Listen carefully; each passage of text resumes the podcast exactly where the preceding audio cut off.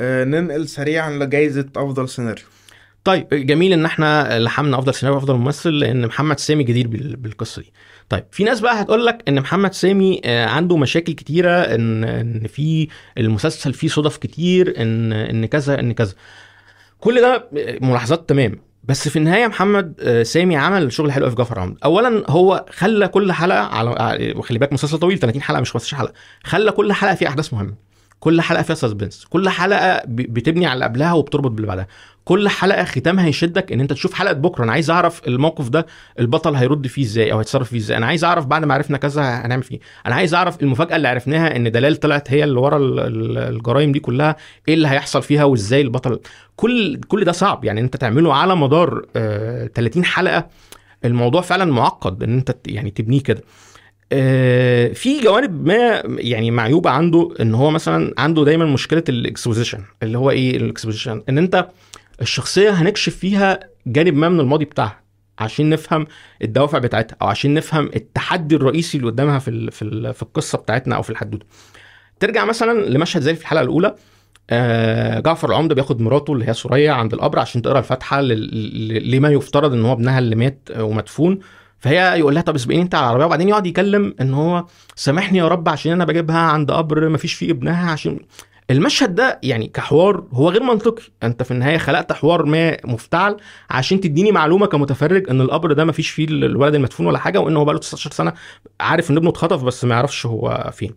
ممكن يعني مشكلة بقى الاكسبوزيشن دي إن أنت بتعملها بالحوار ال- المفتعل وال, وال, وال يعني سخيف. شوية أو مبتذل شوية ممكن تحلها في حاجات تانية يعني ممكن مثلا نفس ال... إحنا عايزين نوصل للناس المعلومة بتاعت إن القبر ده ما فيش فيه ولد ولا حاجة وإن الموضوع قصة. ممكن بعد ال... بعد مثلا المشهد ده هيمشي آه، جعفر العمدة هن... هنجيبه وهو يعني بيبص لمراته بسن التأنيب ضمير أو بسن التردد وبعدين هيرجع مثلا المكتب بتاعه فيقابل نعيم فنعيم مثلا يقول له آه، مالك يا باشا زعلان ليه مثلا أو خلافه؟ فيقول له أصل أنا لسه راجع من التراب وفي كل مرة باخد فيها مراتي عشان أوقفها قدام قبر ما فيش في ابنها برجع أسأل نفسي هل اللي أنا عملته صح؟ إن أنا كنت يعني ريحتها من القصة دي من الحيرة وقلت لها إن ابنك مات. ولا اللي أنا عملته غلط. تمام؟ إحنا كده ضفنا مشهد بسيط جدا بتاع 20 ثانية أو 30 ثانية. إدينا فيه المعلومة اللي إحنا عايزين نقدمها للناس إن القبر ده ما فيش فيه ابنه ولا حاجة وإن ابنه ده مختفي بقاله 19 سنة ما يعرفش عايش ولا مات وحليناها بمشكلة ما إن إحنا عملنا الإكسبوزيشن ده بشكل آه، مفيش فيه آه، عيوب أو خلافه. تيجي مثلا لمشهد تاني زي المشهد الشهير بتاع بلال شامة بيكلم آه، دلال في آخر حلقة ما فيقول لها أهلا باللي وزتني على إني أخطف ابن جعفر العمدة. هو عايز يعمل لك هنا مفاجأة. بس برضه انت تحس ان الحوار اللي هو أنا في النهاية الحوار ممكن ما يمشيش كده على أرض الواقع بس أنا كتبته كده عشان أديك المفاجأة إن هي دلال اللي ورا ال- ال- الجريمة دي. فالجانب ده هو محتاج يعالجه حقيقي لأن هو شاطر. يعني هرجع أقول لك تاني ال- المزايا اللي في كتابة جعفر العمدة من حيث المفاجآت من حيث شحن الأحداث من حيث إن أنت بتعمل تمهيد لحاجة من حيث إن أنت بتنهي كل حلقة في مجهود اتبذل في السيناريو ده يعني مهما كان بقى. حاجة تانية برضو آه، بحبها في في محمد سامي في شغله في جعفر العمدة تحديدا. إن هو مش بيتردد يبقى يعني عنده سنة ما من ال- البجاحة. يعني إيه البجاحة؟ إن أنت في جانب ما من الفن إن أنت بتقبل الناس تقول عليك سخيف أو أو الناس بتقبل أو وقح أو خلاف. أنا بحس محمد سامي عنده الحتة دي جميلة قوي إن هو ما عندوش يعني الجانب بتاع أنا بحكي قصة شعبية تمام؟ فخلاص ما نعقدهاش بقى. يعني مثلا أنا دايما بقول للناس تقعد تقول لك المنطق وخلاف. إحنا بنحب القصص الشعبية إن هي مفيش ممكن يبقى مفيش فيها منطق. يعني هو الراجل علي بابا لما بيروح المغاره وافتح يا سمسم هي افتح يا سمسم دي ما تتنسيش بس إحنا بنقبل في القصة إن هو نسي يفتح يا سمسم وعمال يلف على على حوالين نفسه مش عارف يفتح المغاره هو افتح يا سمسم يعني مش هتنساها طالما في مغارة دهب يعني. أكيد هتفضل فاكر. تمام؟ فأنا شايف إن محمد سامي موهوب في إنه يعمل قصص شعبية بسيطة موهوب في إنه يعمل بناء شخصيات. آه، لو لاحظت في في جعفر العمدة هتلاقي برضو الشخصيات مثلا حتى لما لما بيكترها بيعرف يميزها من بعض. يعني مثلا لما تيجي تدور على الزوجات هتلاقي مثلا سوريا واخدة الجانب المستكين الطيب بس هي عندها حتة فن اللي هي إنها ايدها طويلة وبتحب. تقلب كده أي حاجة تلاقيها في أوضة وخلاف هتلاقي في نرجس آه، معتوهة وبتاعة تحضير أرواح وجن ومش عارف إيه.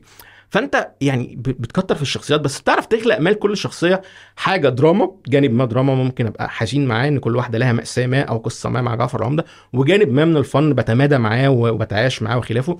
فهو مؤلف شاطر. أنا شايف إن هو يعني السنة دي فاجئني بصراحة لأن هو في نص الأغراب كان مليان يعني أخطاء بشعة. فالسنة دي فاجئني. آه، فأنا هديله أفضل سيناريو السنة دي. يعني يعني هرجع أقول تاني مجرد بس ميزة إن أنت تعمل شحن في كل في كل حلقة من 30 حلقة وتعمل نهايات دايما موفقة ودايما تشدني إن أنا أشوف ال- ال- ال- اللي هيحصل تاني يوم إيه ده جهد هايل من محمد سامي بس في السيناريو مثلا اتفاجئنا بمشهد حسيت إن هو مقحم وناس كتير اتكلمت فيه زي مشهد اللجان الإلكترونية مثلا اللي هو ظهر بدون أي سياق بدون أي مبرر ده مشهد. مأساوي وحزين جدا إن في ناس بتشيد بيه يعني كما لو كان مشهد آه، رائع أو آه، أو موفق أو إن إحنا محتاجين نشحن كل مسلسل المشاهد دي. وحاسس إن في كده جانب ما جاي من وصايه يعني. حاسس كده إن ممكن المشهد ده يبقى طلع تحت من, الوصاية من مكالمة تليفون ما إحنا عايزين ندي حكمة أو وعظ للناس. حط لنا حتة وعظ كده في المسلسل. فأنا شايف إن المشهد ده حتى دخيل كده على الموضوع. ما أعرفش الحقيقة محمد سامي عمله برغبته ولا يعني آه، جه اوردر كده من إن أنت لازم تحط لنا حتة أخلاقية في المسلسل. ما عنديش فكرة.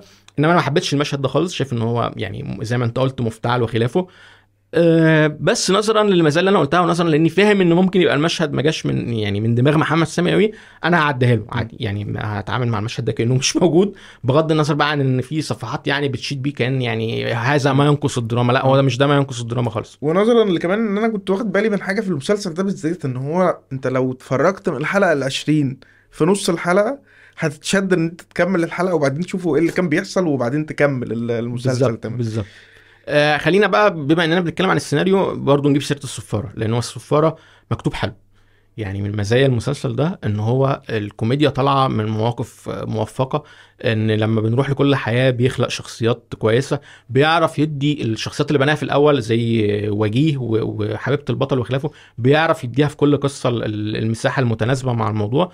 فالصفاره برضو عمل موفق جدا من حيث الكتابة ويستحق إنه يتقال هنا بغض النظر إن أنا هقول محمد سامي الأفضل.